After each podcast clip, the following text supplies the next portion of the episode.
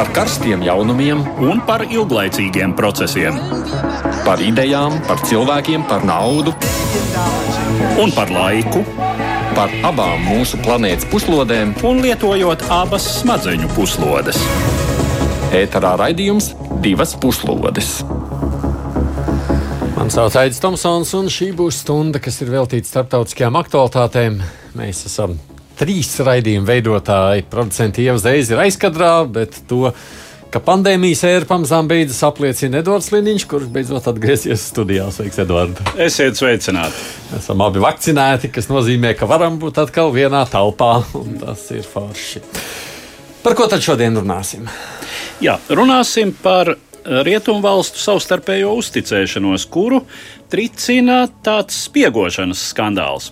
Žurnālisti cēluši gaismā to, ka Dānijas izlūkdienests Savienoto valstu izlūkdienestu uzdevumā iz, eh, palīdzējis izspiegot Dānijas partneru valstu vadītājus, Dānijas kaimiņu valstu vadītājus.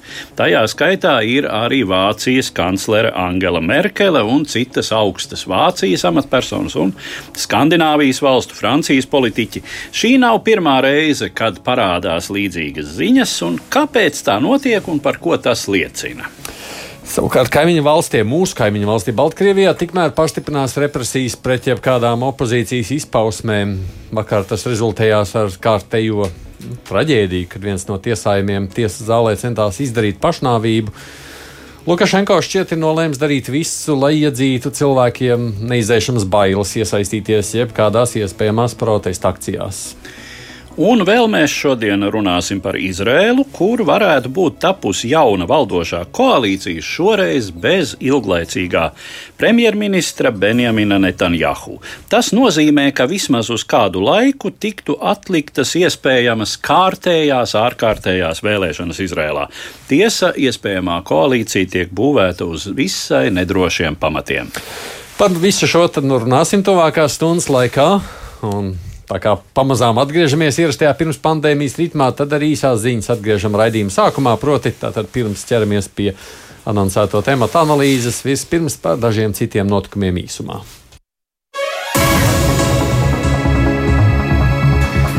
Ne tikai Baltkrievija, arī Krievija turpina ar vien aktīvāk izskaust jebkādu nopietnu opozīciju un apklusināt tā sākos kritiķus. Maskavā otrdien aizstrādājis bijušais Krievijas valsts domas deputāts Dmitrijs Gutkovs, kurš ir ļoti nikns Putina politikas pretinieks. Krievijas mediji ziņo, ka Gutkovs aizdomās turētais ir lietā par nesamaksātu īres maksu par telpām Maskavas mērijai, un par šo viņam draudot līdz pieciem gadiem ilgs cietumsots. Otradien politiķi un arī vairāk viņa radinieku līdzgaitnieku mājās tāpēc notika kratīšanas. Bet pirmdien Sanktpēterburgā aizturēts un pēc tam arestēts bijušais opozīcijas organizācijas atvērtā Krievija izpildirektors Andrejs Pivavārovs. Viņu izsēdināja no polijas lidmašīnas Sanktpēterburgā, vainojot, ka viņš ir darbojies nevēlamā organizācijā. Pagājušā nedēļā trimdā dzīvojušā Kremļa kritiķa Mihaila Kodorkovska finansēta opozīcijas organizācija Atvērtā Krievija pārtrauc darbību un slēdz visas nodaļas reģionos. Visi kustības biedri tika izslēgti no organizācijas, bet viņu dalība anulēta lai izvairītos no iespējamām vajāšanām. Tomēr, kā redzams, arī tas nav palīdzējis. Interesanta ziņa ir no Kirgistānas.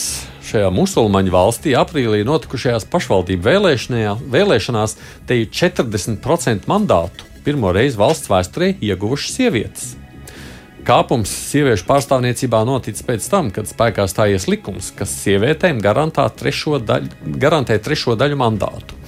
Vairums uzvarētāju uzskata, ka sekmes ir guvuši pateicoties sev un savam veikumam, arī prasmēm uzrunāt vēlētājus. Bet nu, visā valstī pēc pašvaldību vēlēšanām deputātu sieviešu nu, ir četras reizes vairāk nekā līdz šim. Kā norāda Centrālā vēlēšana komisija, protams, viens no galvenajiem panākumiem iemesliem ir likums par sieviešu kvotām. Likums tika pieņemts jau labu laiku pirms pēdējiem politiskiem satricinājumiem, kur rezultātā pie varas nāca prezidents Sadirs Džapārovs. Bet nu, prezidents pilnībā atbalstīja sieviešu iekļaušanu politikā, arī pats piedaloties akcijās un visādi paužot savu nostāju par sieviešu iesaistīšanu vietvarās. Pēdējā sabiedriskās domas aptauja Vācijā rāda, ka zaļo popularitāte sāk kristies. Vācijas kanclers Angels Merkels pārstāvētais konservatīvo bloks atkal ir apsteidzis zaļos, bet brīvo demokrātu partija panāks sociāldemokrāts. Tagad abām partijām dalot trešo vietu. Tā liecina trešdien publicētie aptaujas rezultāti. Kristīgie konservatori ir uzlabojuši savu reitingu par 1% punktu, un šeit varētu cerēt uz 25% balsu Bundestāga vēlēšanās.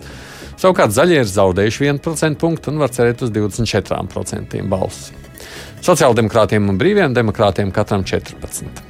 Vēl jāpiebilst, eiroskeptiķu partijas alternatīva Vācijai popularitāti noslīdējuši līdz 9%, bet par kreisiem ekstrēmistiem Dilinka, jeb kreisie, pašais gatavi balsot 6%. No partiju kandidātiem uz kanclera amatu vispopulārākā joprojām ir zaļo politiķa Anna Lēna Bērboka, taču viņas atbalsts ir manām sarucis par 8% punktiem mazāk nekā pirms piecām nedēļām. Tagad var viņu balsot katrs ceturtais. Otrajā vietā ir Lašets ar 19%, bet 43% nepatīk neviens no kandidātiem. Neierasti, bet lielvalsts Ķīna saskārusies ar demogrāfijas izaicinājumiem, un tas ir līdz pieņemt neparastu lēmumu, rēģēt uz tautas skaitīšanas datiem, kas liecina par valsts iedzīvotāju sastāvu strauju novecošanos. Ķīna ir mīkstinājusi savu ģimenes plānošanas politiku, atļaujot pāriem uzņemties atbildību par trīs bērnu audzināšanu. Gandrīz 40 gadus Pekina uzturēja pretrunīgi vērtēto viena bērnu politiku, kuras mērķis bija iegrožot iedzīvotāju skaita pieaugumu. Jau 2016. gadā, pieaugot bažām par darba spēku novecošanos un ekonomikas stagnāciju, Ķīna no tās atkāpās un atļāva ģimenēm uzņemties divu bērnu audzināšanu. Taču, neskatoties uz visiem valdības centieniem stimulēt pārus atļauties vairāk bērnu, Ķīnas dzimstības rādītāji turpina sarukt. Tas vairo satraukumu par demogrāfisko krīzi, kuras rezultātā gados jaunu darba spēku trūkums nobremzēs ekonomikas izaugsmi, kamēr valstī nāksies uzturēt simtiem miljonu vecu ļaužu. Zemā dzimstība daļai tiek skaidrota ar sarūkošo laulību skaitu, krasi pieaugušajām bērnu audzināšanas izmaksām lielākajās pilsētās un izglītoto sieviešu apzināto dzemdēšanas atlikšanu un izvairīšanos no tās karjeras dēļ. Krievijas hakeri turpina šantažēt pasauli un gūt peļņu no savas šantāžas. Svētdien kiberuzbrukumu piedzīvoja Brazīlijas uzņēmums JBS, kas ir lielākais gaļas pārstrādātājs pasaulē. Tas daļai ir paralizējis ražošanas kompānijas rūpnīcas Ziemeļamerikā un Austrālijā. Pēc JBS publiski sniegtās informācijas pret tās serveriem Ziemeļamerikā un Austrālijā ir vērts kiberuzbrukums, kurā izmantots izspiedēja vīruss. Savukārt ASV valdība pavēstīja, ka hakeri pieprasījuši izpirkuma maksu un ka JBS informējis, ka prasība nākus no kriminālas organizācijas, kas domājams bāzēta Krievijā. Kiberuzbrukuma dēļ ir apturēts darbs piecās rūpnīcās ASV un vienā Kanādā, būtiski traucēta arī ražošana Austrālijā. Pirms pāris nedēļām raidījumā runājām par uzbrukumu degvielas cauruļvadu sistēmai. Toreiz vadība samaksāja hakeriem 4,4 miljonus dolāru, lai varētu atsākt darbu.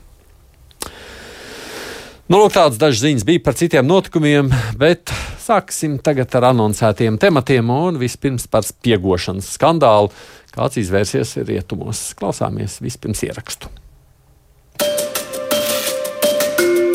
To, ka Savienoto Valstu Nacionālās drošības aģentūra noklausījusies Vācijas kancleres Angela Merkels telefona sarunas, jau 2013. gadā atklāja kādreizējās šīs aģentūras datoru izlūkošanas eksperts Edvards Snowdens. Tagad atklātībā nonākusi informācija, ka Dānijas aizsardzības izlūkošanas dienests no 2012. līdz 2014. gadam sadarbojies ar Amerikāņu Nacionālās drošības aģentūru, ļaujot tai pieslēgties sakaru kabeļiem Dānijas teritorijā un izspiegot kancleru Merkeli. Vācijas ārlietu ministru Franku Valteru Steinmeieru, Vācu sociāldemokrātu līderu Pēru Steinbriku, citus vācu, franču, zviedru un norvēģu politiķus, kā arī atsevišķus Dānijas un Savienoto valstu valdības iestādes un uzņēmumus. Aizsardzības izlūkošanas dienestā šai sakarā veikta iekšējā izmeklēšana, un dienesta vadība jau 2015. gadā bijusi informēta par notiekošo, taču nav uzstājusi par vajadzīgu informēt citas institūcijas. Tikai 2018. gadā, kad kāds trauksmes cēlājs no dienesta ziņojas pāraugošai institūcijai, Dānijas drošības un izlūkošanas dienestam, sākusies plašāka izmeklēšana, kuras rezultātā 2020. gadā nomainīta aizsardzības izlūkošanas dienesta vadība. Šādu informāciju sadarbībā ar vairākiem citiem vadošiem Eiropas medijiem svētdien publiskojas Dānijas sabiedriskais medijs. Dānijas kaimiņu valstīs un citur Eiropā šos atklājumus vērtē kā skandalozus. Dānijas izlūkdienesta rīcību par nepieņemamu nodēvējušanu paskaidrojumus pieprasījuši kanclere Angela Merkele, Francijas prezidents Emmanuels Makrons, Norvēģijas premjerministra Erna Sulberga, Zviedrijas aizsardzības ministrs Pēters Hultkvists un citi. Notikušo par nepieņemamu nodēvējusi arī Dānijas aizsardzības ministre Trīne Bramsena, kura nebija amatā laikā, kad izspiegošana notika, un 2020. gadā savukārt pieņēma lēmumu par aizsardzības izlūkošanas dienesta vadības nomaiņu. Telefoniski raidījumā šajā stundā notikums komentējas laikraksta dienu komentētājs Andris Sedlnieks. Sveiks, Andi! Un vēl mums ir pievienojies arī Vidzemes augstskolas lektors politologs Jānis Kapstāns. Labdien!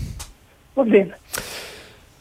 Paskaidrojiet, kāpēc rietumvalstīm vajag vienai otru izspiegot? Ko tas dod, Jāni? Jā, ja mēs runājam par spiegošanu, nu, tad faktiski spiegošana jau ir pastāvējusi no seniem laikiem. Spiegošana bija, ir un būs. Un drīzāk jautājums ir, teiksim, cik uh, atklātiem un redzamiem līdzekļiem tas notiek un cik daudz tas tiek arī nopludināts sabiedriskajā telpā. Man jau liekas, piemēram, ja es savu sievu laiku izspiegot, ļoti jocīgi. Nu, es taču viņu neizspiegošu. Es vēl varētu saprast, ka es vēl kaimiņu logā gribu ielūkoties. Bet...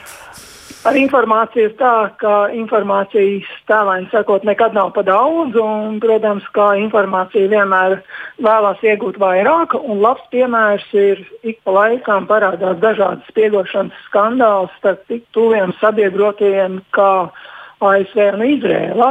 Kad, uh, Izraels labā teiksim, dažādi zinātnieki vai citi spiego Amerikas Savienotajās valstīs.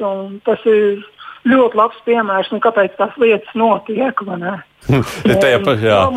Nu? mums būtu tomēr stingri jāpaskatās arī laika posms, kad bija šis skandāls, kas tagad ir publiskots. Tas tomēr ir noticis jau diezgan daudz gadus atpakaļ. Nu, vismaz informācija par šo gadījumu. Nu, parasti jau tās informācijas nonāk ar novēlošanos, vai ne?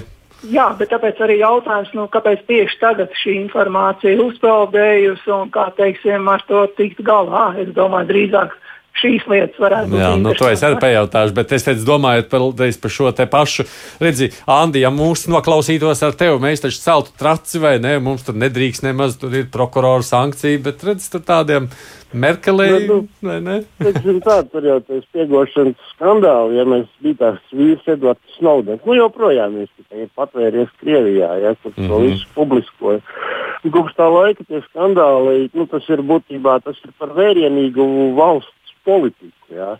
Un, uh, es neteiktu, teiksim, spiegošana, jā, viņa, protams, viņa pastāv tur un uh, ir, jā, bet tādos mērogos, man liekas, to nav darījis neviens un nekad, jo būtībā tā, nu, teiksim, tur ir par visu un visus, jā teikt, arī pašus tuvākos sabiedrotos. Teiksim, tur, un runa jau nav tikai par politiķiem, runa ir par rūpniecību, ja, par militāro, nu, par Eiropas militārajiem, militārās industrijas uzņēmumiem, kas bija izspiegot no tās pašas Dānijas. Tas jautājums, nu, labi, nu, pieņemsim, no amerikāņi viņi vienmēr tur ir paši par sevi un savā prātā. Ja, bet tas jautājums ir, kad ar to jau nodarbojas arī ar viņiem saistītie Eiropas valstu pilsoņi, Eiropas valstu drošības drošības dienesti, kuriem vispār jau principā būtu jāaizstāv nu, savas intereses. Ja? Un tad tā situācija ja jau nonāk tuvu absurdam, ja?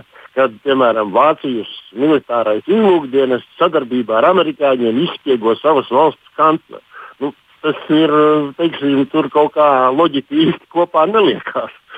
Būsim godīgi. Mm. Ja? Un pat jocīgākais ir, ka tas viss skaitās sabiedroto attiecību ietvaros, un būtībā, nu labi, tur kāds zaudēja amatus vai ko, bet neviens par to nav notiesāts. Neviens nu, par to izliekās, kā tas būtu gandrīz vai normāli. Es nezinu, nu, es, protams, pieļauju domu, ka mums ir kaut kāda ļoti īpaša demokrātijas forma, jāsaucās, kurā tas ir normāli, bet man, protams, tas liekas absurdi. Un es domāju, ka tas liekas arī ļoti daudziem cilvēkiem absurdi. Un tas ir viens no tiem iemesliem, ja mēs paskatāmies kaut kādas aptaujas un ko iesaucās, tad eh, tā mīlestība pret ASV. Ja, Šis skandāls jau sākās laikā, kad pie varas bija prezidents Baraks Obama. Ja mēs atceramies, ja. tā mīlestība pret ASV nu, nekāda īpašā tur vairāk nav. Ja, tā uzticēšanās ASV un tostarp arī tādēļ, ja, kad uh, ir pastāv tāda pārliecība. Nu, teiksim, pierādīts jau nekas nav, bet gan jau iespējams ar laiku kaut kas atkal nāks klajā, ja, kad, uh, kad tās esošās schēmas, kuras tika atklātas pēc visas šīs naudas skandāla, viņas visticamāk jau vienkārši ir nomainītas ar citām. Ja. Nu, visiem nu, turpinās, vai ne? Uh, nu, ir tā, ka Edvardam prasot, savukārt, tev, tev šķiet, ka tā nu, amerikāņiem nav kaut kāda tāda, nezinu, paranoja. Nē, tā nav paranoja. Tā ir, uh, kā jau kolēģi atzīmēja, informācijas vākšana un izlūkošana ir tāda lieta, uh, ka šeit visi līdzekļi ir labi. Uh, un, ja mēs domājam, ka tas ir kaut kāds šolaiku fenomens, nu šolaik jauns ir tikai tas, ka ir tehniskie līdzekļi citi un ar vienu lielāku vietu izlūkošanas informācijas vākšanā ieņem šī elektroniskā nu, spiegošana. Jā, nu, jā. To. Tā tas arī ir. Tā ir spiegošana. Tā ir izspiegošana, kas ir vērsta ne tikai pret ienaidniekiem, bet arī nosacīti sakot, nu. draugiem, partneriem, kas tā ir noticis visos laikos. Un, un varbūt šīs attiecības šai ziņā starp Izraēlu un ASV ir tās visskaļākās.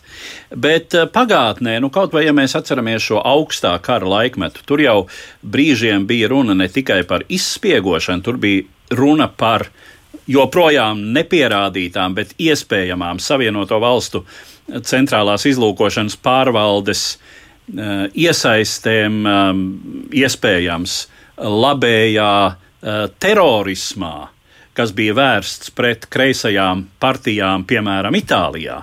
Ar mērķi, lai nepieļautu Itālijas komunistiskajai partijai, kas bija daudz skaitlīgākā komunistiskā partija tā laika Rietumē Eiropā, un visai pamatīgās sevišķi, ja ir runa par 50. un 60. gadiem, visai pamatīgā padomju savienības ietekmē. Būtībā padomju savienības ietekmes aģents tā laika Rietumē Eiropā, bet tajā pašā laikā leģitīma politiskā partija. Komunisti nebija aizliegti Itālijā, un likumiski to arī nevarēja izdarīt. Attiecīgi, Tur bija runa par to, ka tās augtajos svina gados, kas ir 60. Eh, gadu, no 60. gada beigām līdz 70. gadiem, uh, ieskaitot Itālijā, um, un 80. gada sākums, uh, tur bija ļoti smaga uh, labējā terorisma situācija, un kas šajos aktos ir bijušas iesaistītas iespējams arī amerikāņu izlūkdienas struktūras. Tā ka tāda sarunu noklausīšanās, nu tie ir tādi. Ziedi. Ziedi. Nu, jā, bet redz, katrai lietai ir kaut kāds mērķis. Jums ir skaidrs, nezinu, Andi, tev ir skaidrs, ko īsti. Nu, nu, kā, nu... Nu, pirmkārt, ja tu, tu, pirmkārt, šajā konkrētajā gadījumā jūs noklausāties, nu, teiksim, ne tikai noklausāties, tur ir runa par pilnīgi visu. Jā, teiksim, jūs zināt, lasat visas Vācijas kancleres izziņas visus, ko, visas ziņas, ar kurām viņi apmainās Messengerā. Jūs zināt visu viņas internetu trafiku, kas notiek caur nu, tālruni. Ja. Jūs zināt pilnīgi visu. Ja. Es domāju, ka, ne, nu, es domāju, ka viņa zina, ka viņi zina un piedomā pie tā, bet varbūt arī nezina. Ja? Un runa jau nav tikai par Vācijas kancleri. Es domāju, ka runa ir par ļoti daudziem Eiropas valstu vadītājiem. Ja? Un tas, protams, dod zināmas priekšrocības kaut kādās sarunās, tas dod priekšrocības izstrādājot kaut kādus plānus.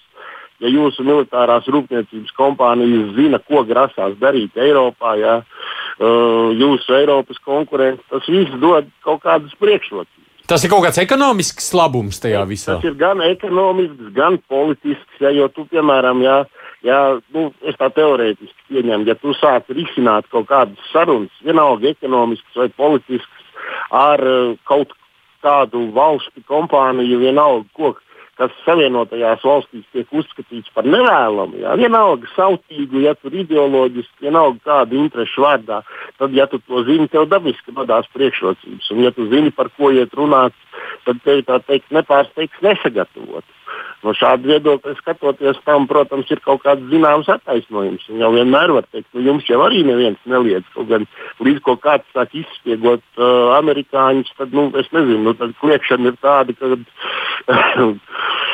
Grūti iedomāties, cik skaļi. Jā, bet mēs redzam, ka tas jau ir tomēr apusgriezīgs zobens.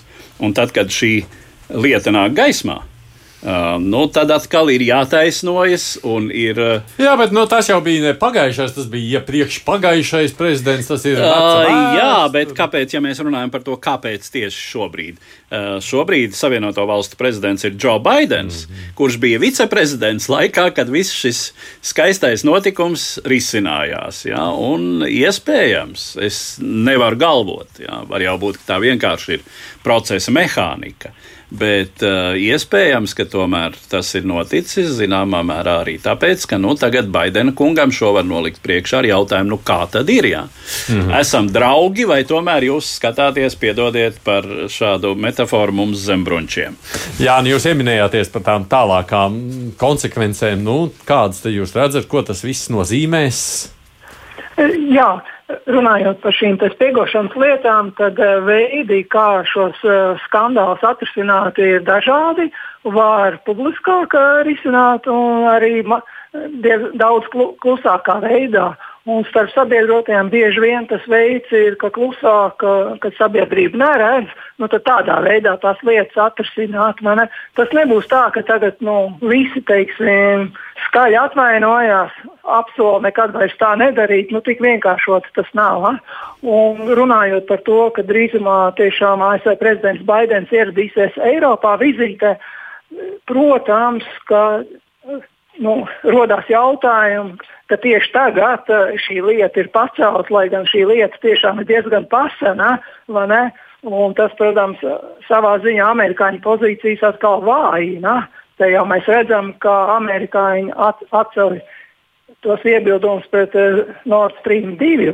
Tā, tādā ziņā Eiropiešiem faktiski šis ir tāds labs trumpis sarunās ar amerikāņiem. Uh, nu, stingrāk par savām pozīcijām iestāties.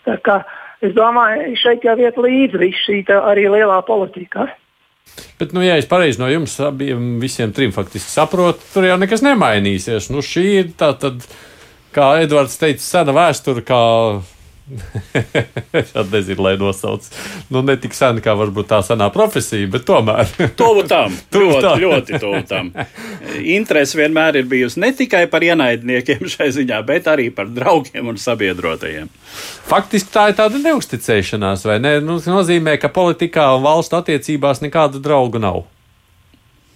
Nu, Viņš mums jau teica, ka uh, mums nav sabiedroto, mums ir tikai interesi nu, apmēram pēc tāda principa arī vadās. Ja jau tas iegūms ir tik liels, tad jau gaidām nākošo skandālu. Ja? Es nezinu, vai ieguvums ir liels. Ja, tās, uh, tagad arī, kā jau minēts, nu, tagad būs Baidena vizīte Eiropā, un Baidenam ir tāds oficiāli paziņots mērķis, ja, ka nu, teiksim, demokrātija alianses un ko, bet pēc būtības sastādīt visus Eiropas sabiedrotos ierindā un parādīt virzienu, uz kurien, kurā, kurā ir pareizi doties. Jā. Bet, un, bet es tā tas ir stipri redzams, ka šie sabiedrotie nemaz tā negrasās stāties rindā un doties pareizajā virzienā, it īpaši viņi vēl nesaskata savu izdevīgumu. Jā. Un šis skandāls ir ļoti labs arguments parādīt, ka uh, patiesībā jau jūs nemaz tik uh, labi nesat un mums tie ir jūsu mērķi un mēs varam parunāt un mēs varam patirgoties. Tā teikt, un nākošais, es domāju, gan jau arī Eiropiešiem. Nu, nav jau tā, ka viņi tur sēdētu pilnīgā neziņā ja, un nesaprastu, kas notiek. Vēl jau vairāk tāpēc, ka visās šajās akcijās ir iesaistīti arī Eiropas valstu dienesti un uh, kas ir saistīti ar amerikāņiem, un gan jau arī viņiem ir tas zināms, un kad nākošais radīsies tāda nepieciešamība vai kas, tad atkal tiks izvilkts kārtējais skandāls, lai parādītu, ka nu, ka tās lietas nemaz nav tādas, kā jūs te mums stāstāt. Mm. Te mums no klausītājiem viens Edgars raksta, nes kā mainītos komentētāju retorika, ja mīšu vietā būtu Krievija. Man savukārt liekas, ja tur ir Krievija, tas ir skaidrs, nu, tad ir saprotams. Tur savstarpēji starp Krieviju vai ne. Un tas ir daudz, vai, daudz tur, labāk saprotams. Tur ir loģika vai ne, viņi, tas, ka viņi tur viens otru. Tā, tā loģika vienkārši ir acīm redzamāka, bet, nu, kā Jā. jau teicu, par to nevajadzētu brīnīties, eh, un um, nevajadzētu brīnīties arī par to, ka izlūkdienesti uzvedas kā zināmā mērā valsts valstī. Eh, pasta, un tas, es domāju, arī būs mūžīgs jautājums, kā nodrošināt demokrātisko institūciju kontroli pār šiem izlūkdienestiem. Un, uh, tā starpība nav tāda, ka demokrātijās izlūkdienesti kaut ko tādu nekad nedara. Nē, tie dara un darīs. Bet demokrātijās tomēr, arī kā šajā gadījumā, izlūkdienesti atskaitās, ir spiesti agri vai vēlu atskaitīties. Savukārt, eh, totalitārās sistēmās, autoritārās sistēmās, nedemokrātiskās izlūkdienesti bieži vien sāk kontrolēt visu pārējo valsts sistēmu. Nu, labi, par Baltkrieviju mēs to arī turpināsim. Es te vēl pabeigšu tikai ar Bērziņu rakstīto. Viņš saka, viņa parāda, kāpēc varētu vajadzēt spiegot, kur tad tagad ir iepriekšējais kanclers Šrēders strādā pie krieviem. Tā jā, ir ļoti pareizi mūsu skatītājs, klausītājs to arī atzīmē. Bet nu pievēršamies tiem notikumiem Baltkrievijā, kur ziņas ar katru nedēļu ir ar vien satraucošāks. Vispirms ieraksts. Šokējoši jaunumi turpina pienākt no Baltkrievijas, kuru paša pasludinātā prezidenta Lukašenko autoritārā režīma reakcija uz sabiedrības protestiem acīm redzot sasniegusi savu kulmināciju. Vakar parādījās ziņas, ka tiesas sēdes laikā Minskā apsūdzētais Stepans Latipovs iedūris sev rīklai pildspalvu un bezsamaņā nogādāts slimnīcā. Pirms šī pašnāvības mēģinājuma Latvijas paziņoja, ka izmeklēšana cenšoties panākt viņa atzīšanos, draudot ar fizisku izrēķināšanos, kā arī kriminālām apsūdzībām viņa tuviniekiem un paziņām. Latvijas tika arestēts protestu laikā septembrī, un viņu apsūdza opozicionārās mediju vietnes izveidē, masu nekārtību organizēšanā, opozīcijas simbolikas izgatavošanā, pretestībā varas pārstāvjiem, kā arī liela apmēra krāpšanā. Pēdējā apsūdzība acīm redzot saistīta ar to, ka Latvijas ir uzņēmējs. Kā ziņo Baltkrievijas opozīcijas līderis Svetlanas Cihanovskas biroja pārstāvi, politieslodzīto skaits Baltkrievijas cietumos pēdējās nedēļas laikā pieaudzis par 33 cilvēkiem, sasniedzot jaunu rekordu - 454 ieslodzītos. Starp viņiem ir dažādas režīmu pretinieku kategorijas, sākot ar agrāko gadu opozicionāriem, beidzot ar žurnālistiem, kuri atļaujušies objektīvi atspoguļot protestus, un juristiem, kuri snieguši atbalstu aizturētajiem. Pati Cihanovska pirmdien apmeklēja Tallinu, kur tikās ar Igaunijas prezidentu Kersti Kaljulaidu un premjerministru Kaju Kallasu. Otradien Viļņā sastapās ar Savienoto valstu senatoru delegāciju. Šodien viņa jau atrodas vizītē Varšavā, nākamnedēļ plāno doties uz Prāgu un Berlīnu. Tikām paši pasludinātais prezidents Lukašenko 28. un 29. māju pavadīja Krievijas Melnās jūras kurortā Sočos, kur tikās ar Kremļa saimnieku Vladimiru Putinu. Kā jau ierasts plašai publikai par abu vadoņu sarunu gaitu, nekas daudz ziņots netika. Presei un sociālo tīklu komentētājiem atliek vien minēt, uz kādiem noteikumiem Lukašenko ticis pie vēl viena Krievijas aizdevuma pusmiljarda dolāru apmērā un apzelēt foto uzņēmumu sēriju, kurā krietnu vīrišķīgu draudzību izturojošais pāris redzams uz kārtējās luksa jahtas klāja. Divas puslodes! Tā pārējie pasaulē nākas samierināties, tagad vērojot to, kas notiek Baltkrievijā. Nu, labi, sankcijas, protams, būs, bet visā citādi taču tur neko nevar izdarīt, vai ne, Andi? Nu, jā, tur nekas nav darāms, jo tā opozīcija ir iedzīta diezgan dziļā pagrīdē. Nu, vismaz šobrīd nekas nav darāms. Es vienīgais tieši ziņas piekomentēšu, kad uh, pēc tikšanās uh, Sočos Lukašenko tika izsniegts kredīts, par kuru viņi jau iepriekš bija vienojušies. Tā bija nākošā daļa no kredīta vienošanās, par kuru tika panākta vēl pagājušajā gadā. Mm. Tā teikt, patiesībā Lukašenko izskatījās visai neapmierināts ar dzīvi, ja, jo neko jaunu viņš no Krievijas, cik es saprotu, nu, tik noprotams. Ja. Nekas jauns tur iegūts netika. Viņam tika apsolīts, jā, mēs atjaunosim nu, avio satiksmi jūsu līdzsabiedrības, kas tāpat tās tiktu atjaunota, jo principā tas, uh, tā statistika ir tāda, ka ja miera laikā, nu, pirms pandēmijas notika 150 reizes tieši Baltkrievijas līdzsabiedrība lidoja 150 reizes nedēļā uz Krieviju.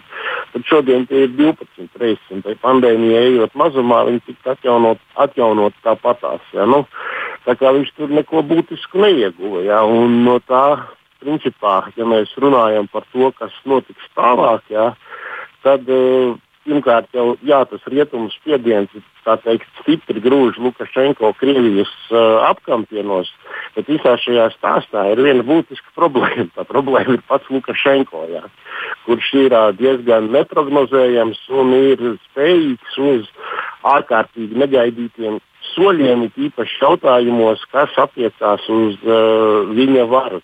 Tur vēl ir iespējami visdažādākie pavērsieni. Jā, Jā kā jūs sacīt par to, ko tur var, nevar un kā to viss tagad jāskatās? Es gribētu teikt, ka tiešām Baltkrievijas režīma pēdējās uh, nu, represīvās rīcības diezgan skaidri rāda, ka zināmā mērā notiek tāda kā staļinizācija, ka vismaz daļēji režīms iet nu, tādu kā Staļina laika teiksim, pēdās ar ļoti spēcīgām represijām. Labi, tās represijas, protams, vēl nav tāda apmēra, kādas bija Staļina laikā, bet nu, tas, cik daudz tiek ieslodzīti, kā viņi tiek fiziski ietekmēti, piekauti, lai panāktu atzīšanos, ka vismaz zināmā mērā jau tiek ierobežotas robežas, nu, tas rāda par represiju ar vienu pieaugšanu. Un tālāk, protams, jautājums, nu, ko, ko tad teiksim, var darīt? Ja mēs skatāmies no spēku struktūrām Baltkrievijā, milicija, čeka armija, tad pašlaik diezgan spēcīgi šīs spēku struktūras ir Lukašenko pusē. Otrs, otrs sfēra, kas teiksim, ļoti daudz var ietekmēt, tā, protams, ir ekonomika. Ja mēs skatāmies, atceramies uz PSRS sabrukumu, tad toreiz 80. gada beigās ekonomika strauji gāja uz leju. Mēs piedzīvojām diezgan tukšus veikalus, cilvēki bija neapmierināti. Tas jau arī dzina ārā, ja tā varētu teikt, uz ielām protestēt. Un te mēs, kā, kāda ir situācija ar Baltkrieviju? Baltkrievijai, protams, ir šī ekonomikas, ekonomikas recesija, bet tāpat laikā ekonomika nu, nav tik zemā stāvoklī, kā bija piemēram Padomu Savienībā, kad PSR izbruka.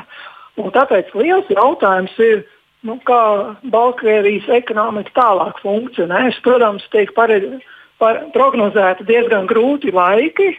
Bet vismaz pagaidām tā kā uz sabrukuma robežas nav. Jo kāpēc lai Baltkrievija ekonomika sabrukt, ja teiksim, Krievija pēdējā brīdī vienmēr pasteidzās paglābt un ar teiksim, Krievijas atbalstu Baltkrievija nu, var diezgan labi funkcionēt.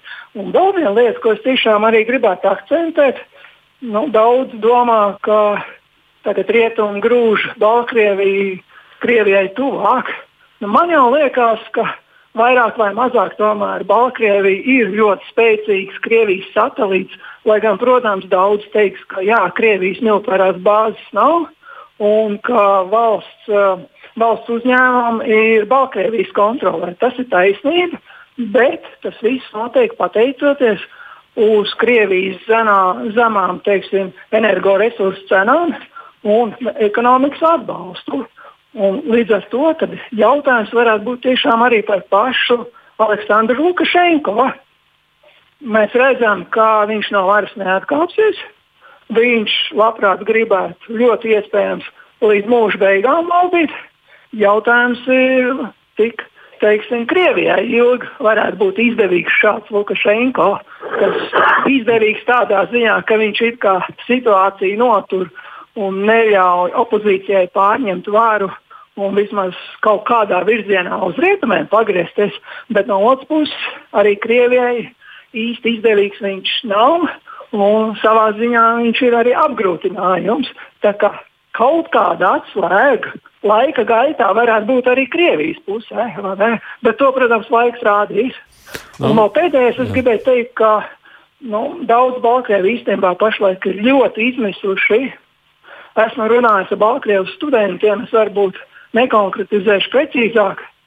Nu, teiksim, sarunās ar viņiem teiksim, parādās tas viedoklis, ka viņi būtībā jau atklāti gaida, nu, ko rietumi darīs, ko, ko rietumi iestāsies. Mēs saprotam, ka rietumi vieni paši jau nemainīs to situāciju. Nu, tas jau nav 2002. un 2003. gads kā amerikāņi ieiet Irākā, nomaina Huseina režīmu. Tādas lietas šeit nenotiks. Bet šis izmisums, ka pašlaik viņi neko labu neredz, nu, tiešām ir ļoti jūtams. Nu, par to izmisumu tas tā varētu būt. Es tikai redzu, domāju, šajā kontekstā, redz, Eduard, uh, nu, pusmiljards no vienas puses nav nemaz tik liela summa. Iespējams, jau ka kaut kādas rietumu sankcijas varētu tādu pusmiljardu viņiem pārspļaut, nu, pieksim tā, ar kaut kādiem zaudējumiem. Nu, kā jau Andris atzīmē, nu, pusmiljards tiešām. Tas ir tikai kārtējais, kā to sauc, tranšs no uh, lielākas summas, kas ir laikam pusotrs miljards. Uh, un faktiski tas, ko uh, es dzirdēju šajā gadījumā konkrēti telekanāla Dožģa komentārā, ka, nu, teiksim, Baltkrievijas uzturēšana, ja teiksim, Baltkrievijas ekonomika rietumu sankciju darbības rezultātā, nu, nepilnīgi uzkaras, bet uzkaras nu, faktiski viss eksports. Un tur jau ir ļoti skaidri tie virzieni. Tā, tā ir kālīsāls, kuras eksports notiek nu, no Baltkrievijas pamatā, starp citu, caur Lietuvu, caur Klaipēdas ostu. Eh, tas ir eh, naftas produktu pārstrāde eh, kas tiek eksportēti pārstrādātie naftas produkti, un trešais ir gāzes tranzīts no Krievijas caur Baltkrieviju, kur arī, protams, ir alternatīva. Pirmkārt, jau tas pats Ziemeļu Nord Stream 2. Ja? Un šajā gadījumā šos krāniņus aizgriezt ciet ir samērā vienkārši. Eh, nu, un tad Krievijai tas varētu maksāt kaut kādus uh, 10 līdz 12 miljārdus dolāru uh, gadā uzturēt šo Baltkrievijas ekonomiku un sociālo sistēmu pie dzīvības. Jo nu, kaut kāda ražošana bez tā tur ir, jā, vēl, vēl kaut kas, ko var kaut vai uz to pašu Krieviju eksportēt. Nu, nav tas Krievijai nepaceļami, droši vien. Un ievērojot politiskās nepieciešamības. Cik tomēr svarīga ir Baltkrievija un šis satelīts, un, uh, un tas, ka nu, Krievijai un pirmkārt jau Putinam Putins nevar atļauties, teiksim, Cihanovskas nākšanu pie varas Baltkrievijā visdrīzāk. Ja? Uh, tad droši vien, ka Krievija šo cenu arī būs gatava maksāt. Jautājums ir, vai rietumi tiešām rīkosies tik radikāli un slēgs visas šīs iespējamās, eh, visus šos iespējamos pašreizējos Baltkrievijas ienākumu avotus. Edu, Andi, kā tev šķiet, kas varētu būt tajā tālākajā notikuma nu, perspektīvā? Mm, ir tāda lieta, ka visi, kad parasti runā par Baltkrieviju, aizmirst, ka tur ir arī ļoti ietekmīgi prokrieviski spēki. Nu, nevis tā kā ietekmīgi, ja? stāsts ir par to, ka tur ir ļoti daudzi, īpaši Baltkrievijas austrumos, prokrieviski noskaņoti cilvēki. Ja? Un Lukašenko lielu daļu savas atrašanās pie varas ir veltījis ne jau tikai cīņai ar uh, prorietumniecisko opozīciju, bet arī cīņai ar atklātu prokrievisku opozīciju. Galvenokārt ar mērķi visiem pierādīt, ka tieši viņš ir tas vienīgais, kurš vislabāk uh, uh, māk runāt par Krieviju un ka viņš ir vienīgais, kurš šos sakarus uztver. Nu, tā kā, kā viņam būtu monopols. Ja. Un tagad, ņemot vērā visus pagājušā gada notikumus, jā, ir uh, izplatījies, nu, vismaz ir tāds izplatīts viedoklis, jā, kā izteikti prokrieviskas, vismaz nu, tā teikt, neoficiāli.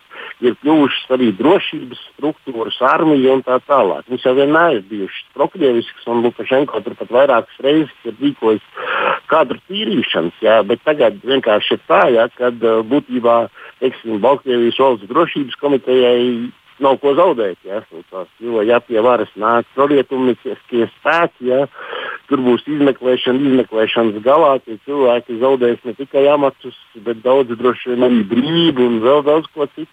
Un viņiem vienkārši nav ko zaudēt. Ja, un, tā teikt, ja Krievijā izlems, ka nu, Lukašenko viņiem tiešām ir apnicis kad daudz kas liecina, ka nu, viņi, viņi pacieš ar sakostiem zobiem. Galvenokārt tāpēc, ka nav kādas acīm redzamas prokrieviskas alternatīvas. Tad viens no variantiem ir, ka pie varas tur vienkārši varētu nākt kaut kāds, es nezinu, kaut kas vidējs par militāro un civilo huntu, kas strauji pagriež to visu Krievijas virzienā.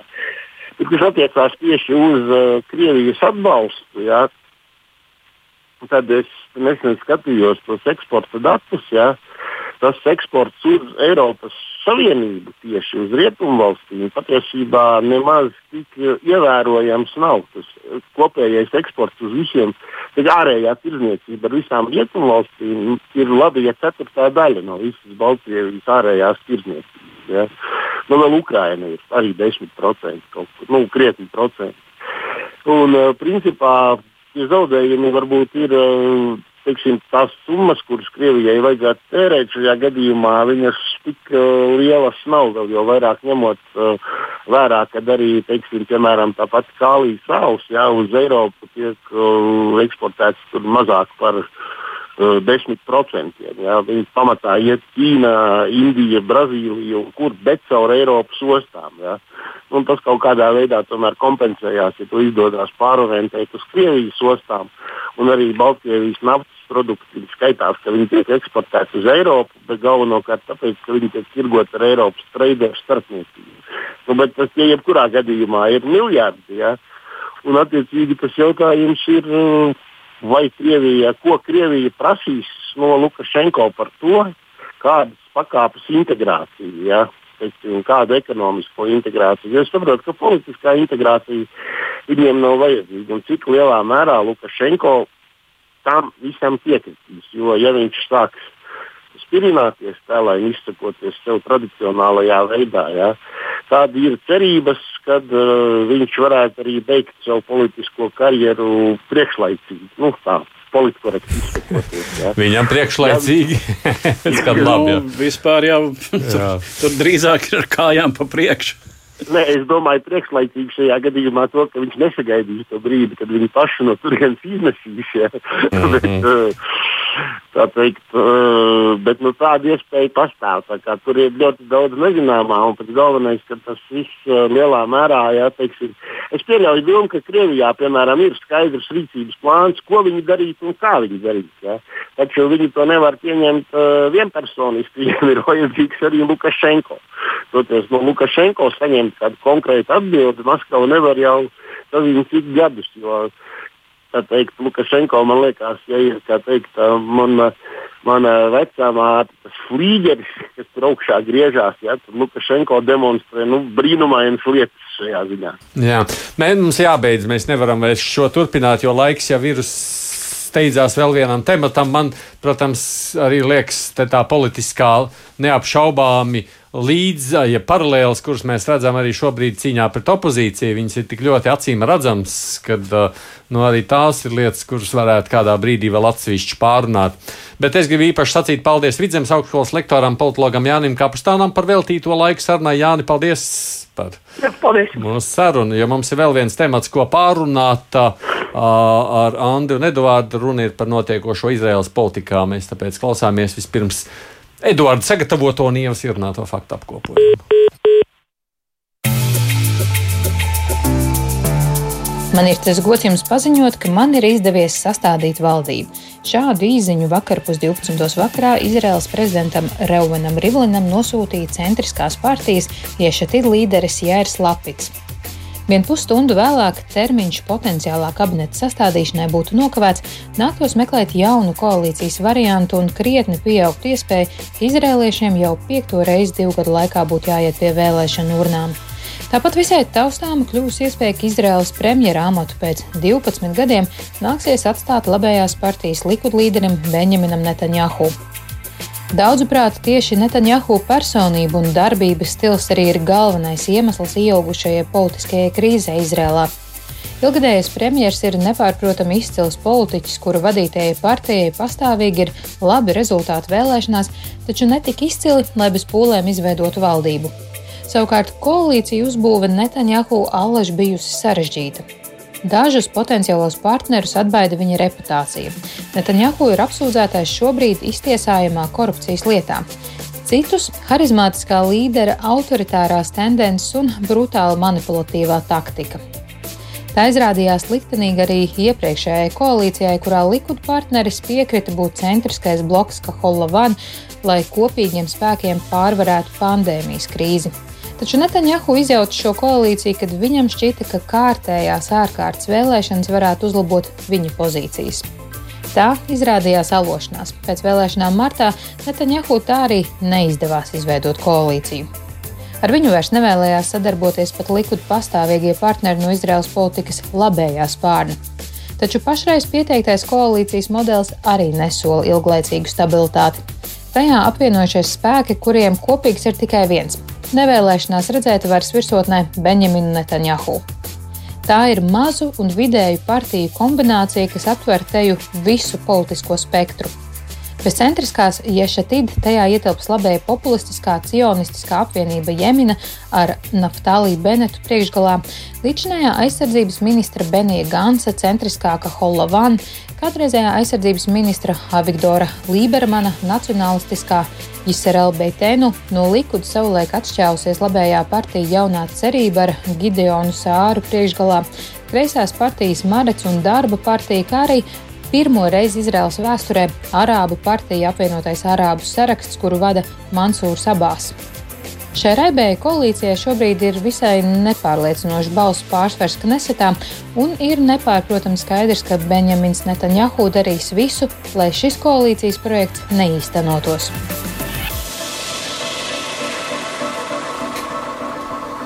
Atgādījums šeit ir Andris Sedlnieks un Edvards Liniņš, kas vēl komentē notikumus. Tā pašreizējā vienošanās, Edvards, tā kā. Uh, nu, tā koalīcija nu, te ir nozīmē... neticama.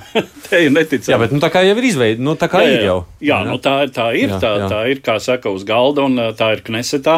Uh, tagad nezinu precīzi, nepaskatījos, kad būs balsojums, jā. šis uzticības balsojums. Nu, viss liek domāt, ka būs šodien. Jā, nu, pēc viss spriežot. Un, un tā tad. Uh, Uh, ir diezgan liela iespēja, ka Knesets nobalso, bet nu, faktiski tā 50 uz 50.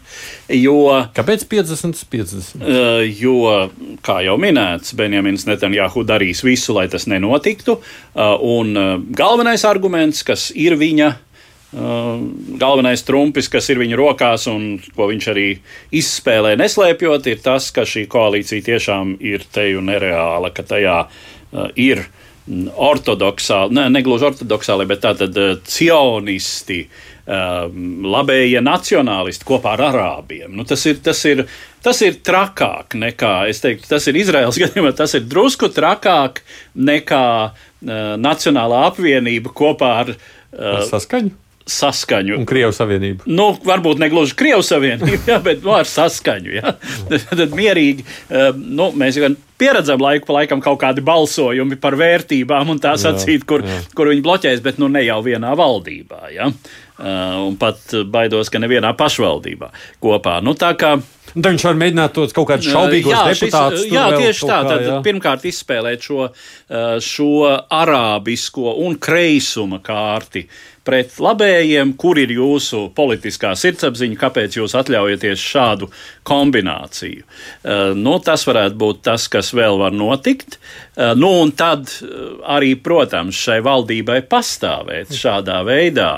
Ar uh, Netanjahu kā opozīcijas līderi, nu tur tad vienīgi ir jautājums, kā notiks šīs tiesāšana. Viņš ir apsūdzētais, uh, cik ātri virzīsies process tiesā, un vai vienā brīdī tomēr Netanjahu nenāksies pārcelties no biroja uz uh, kādu citu telpu. Nu, vienīgais, es saprotu, tas tik ātri neizskatās. Man šķiet, Andi, uh, par šo visu tev arī ir. No? Edvards galveno pateica. Jā, es vēl tikai piebildīšu, ka ir virkni plašsaziņas līdzekļi, kas vēsta, ka paraksti zem valdības līguma par valdības veidošanu astoņu partiju paraksti ir uzlikti, jā, bet ļoti daudzas lietas vēl nav saskaņotas. Ja, jo viņi principā to darīja pēdējā brīdī, trieciena tempā, baidoties, ka uh, tur Tur ir pēc likuma tādas iespējas, ka var piešķirt prezidents divu nedēļu pagarinājumu valdības veidošanai, bet var arī nepiešķirt. Un šīs partijas acīm redzami baidījās, ka nepiešķirs. Tāpēc šīs vienošanās tika parakstītas, bet uh, tā, līdz galam šie līgumi vēl nav noslēgti un amati un kas nav sadalīti. Un kā viņi to dalīs un kā, viņi, kā tas izskatīsies, man godīgi sakot, ir grūti iedomāties. Nu, lai tas būtu apmēram saprotami, ja, nu, tad es nezinu, nekā personiski, bet iedomājieties, ka nu, nezinu, Jānis Iesalnieks un Tatjana Zdano kopīgi vada ārlietu ministru. Kā tas izskatās, nu, es, es nespēju iztēloties, ja, bet varbūt viņiem kaut kā izdodas. Tā ir Bet, viena lieta, un otra lieta ir, kad visas šīs pretrunas, jā, ideoloģiskās uh, un vēl, un vēl, viņas jau nešaubīgi pat, ja viņiem izdosies iziet tam visam cauri, jā, viņas jau nešaubīgi atklāsies drīz pēc tam, jā, kad uh, šī valdība sāks darbu. Jā, pirmoreiz nu labi, ne ministru līmenī, bet kaut kādos ļoti augstos amatos būs jāņem mēreni arābi. Ja? Valsts konstitūcijā rakstīts, ka Izraela ir ebreju valsts. Ja? Kā viņi tur, nu, es, nu, man ir grūti iztēloties to visu. Ja? Tāpēc es visai skeptiski skatos uz perspektīvām. Varbūt šobrīd izdosies, un varbūt izdosies nogāzt uh, Netanjahu. Ja? Bet pēc tam šīs pretrunas nāks uh, atkal gaismā, tikai tā jau būs uh, valdība cita premjera vadībā, šķiet, uh, Beneta. Ja? Ja es nemaldos, pirmai, kā pirmais tagad taisās. Jā, uz diviem gadiem. Pre, premjerēs Benets. Jā. Nu, tad nākošās vēl, ārkārtas vēlēšanas notiks jau Beneta valdības laikā. Nu, mm -hmm. ir mans Te ir prognozes. viens moments, uh, ka Likud bez Netanjahu būtu kaut kas tāds, kas būtu vairumam no šīs koalīcijas pieņemams, gan labējiem, gan centristiem, nu varbūt ne radikāli kreisiem un ne arābiem, bet ja Netanjahu kaut kā pazūst, nu ja viņš, teiksim, ja viņu, teiksim, diskvalificētu tiesas ceļā, Bet kā var tā nemīlēt vienu cilvēku, ka šādi visa šis cilvēks, valsts- šis cilvēks šai valstī ir ļoti mīlēts. Es domāju, Nē, ka nu, no Benjamins. Benjamins Netanjahu ir vismīlētākais. No visiem pārējiem, Politiķis. no visiem pārējiem politiskiem spēkiem, ja viņi gatavi No, iet pāri, te, nu, te nu jāsaka, nē, nu, eh, te nu jāsaka, ka Benjamins Netanjahu ir bijis gatavs iet pāri jebkam, lai paliktu pie varas. Un tas pēdējais precedents, kad, nu, eh, ja mēs atceramies, tad mūsu kolēģis Izrēlā uh, Dubova kungs, kurš ir Izraēlas krievu uh, valodā runājošs telekanāla žurnālists, teica, nu, ka vienkārši Netanjahu kinul. Uh, uzmeta Beniju Gancu uh, kā savu koalīcijas partneri, tiklīdz viņam sašķita, ka uh, viņš varētu ietirgot vairāk balsu uh, kārtējās ārkārtas vēlēšanās. Nu, tātad šī rīcība, un tas, tas jau nav viens gadījums. Nu jā, tas viss uzkrājas. Bet no tā otras puses, Sandī, jau tā, ka viss šis notikušais varbūt tad ir nevis drāma, bet, nu, kā tu saki, nezinu, cik ilgi jau tā var strādāt, pēc tam nākotnē iejās vēl baltākā zirgā. Varbūt, jo nu, nevar noliegt, viņš joprojām ir Izraēlas populārākais politiķis. Ja neraugoties uz visiem skandāliem, neraugoties ko, un arī partijas likud panākumi lielā mērā balstās tieši uz Netanjahu popularitāti. Ja.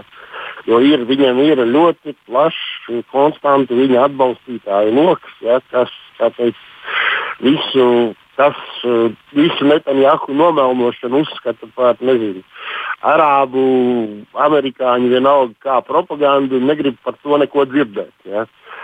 Un tā kā tur ir iespējami visi šādi varianti, un kas attiecās uz šīm tiesas prāvām, jā, viņas jau var vilkties gadiem, jā, bet Netanjahu tikmēr nekur nepazudīs no politikas. Mm. Uh, ir vērts pieminēt, vakar notikušās prezidenta vēlēšanas. Nu, tādā ziņā pat tās kaut ko liecina. Nē, nu tās, cik var noprast, tad pašreizējais prezidents ir arī lielā mērā tāda kompromisa figūra Mhm. starp, starp pašreizējās koalīcijas partijām. Uh, viņš ir, ja atmiņa man neviļ, mēreni labējs politiķis, uh, pēdējā laikā darbojies arī um, Izraels attīstības aģentūra. Ko, tam ar šo te valdības veidošanas procesu nekādu saikni. Nu, tik daudz, ka viņš ir arbitrs. pamanīt. Izraels prezidenta funkcijas ir apmēram tādas pašas kā Latvijas valsts Jā. prezidentam, tā kā savu lomu šajā procesā viņam ir, bet nu, pamatā līdzsvarojoša loma. Un Izraels politikai ir raksturīgs tas, ka parasti prezidenta amatu ieņem uh, kāds uh, salīdzinoši neitrāls, bet tajā pašā laikā autoritatīvs, visnotaļ autoritatīvs, pieredzējis politiķis, un tāds ir šis Jā, prezidents. jā Andi. Ilovičs viņš ir iepriekš ir Izraēlas uh, eksprezidentā, nu, it kā Hercoga dēls, jā. Lai, lai kā es tos vārdus, tad viņš ir, nu, tā teikt, un lielā mērā aiz viņa stāv arī, tā teikt, tēva traģiskā autoritāte. Tā kā Tas tiešām viņš ir, tā ir kompromisa figūra, ja, kas principā ir uh, visiem, visiem pieņemama. Viņš neko tādu ne uz vienu, ne uz otru pusi radikāli nekad nav darījis. Un, uh, ir tēva vēsture, un tas, vi- tas tā teikt, nu, padara viņu par neitrālu cilvēku. Jā, nu, līdzīgi kā piedod mūsu Ulmanim bija mazdēls Ulmans, vai kā viņš tur ir māsas dēls, vai kas viņš tur bija. Jā, nu, kaut kā tā. Uz to pusē, ne? Nu, jā, ir jau skaidrs, ka mēs. Uh, Lūkosim, kā veidosies tur šodien tiešām uh, šīs balsojums, kas ir tā apstiprinājums. Un, kā tur varēs strādāt tā valdošā koalīcija. Droši vien, Edvard, mēs ar tevi vēl kaut kad atgriezīsimies pie šī temata. Iespējams, itin drīz atkal runājot par Izraēlas iekšpolitiku. Paldies, Andi, Andis Sedlnieks, laikrakstdienas komentētājs. Andi, paldies par iesaistīšanos sarunā. Labu. Un tāpatās, protams, saku, mēs studijā bijām šeit ar Eduardu Liniņu. Paldies, Eduards, tev Paldies. par klātbūtni. Ieva Zeize ir mūsu producents. Tiksimies atkal pēc nedēļas, lūkosim, kādu notikumu tad būs notikuši nākamās nedēļas laikā.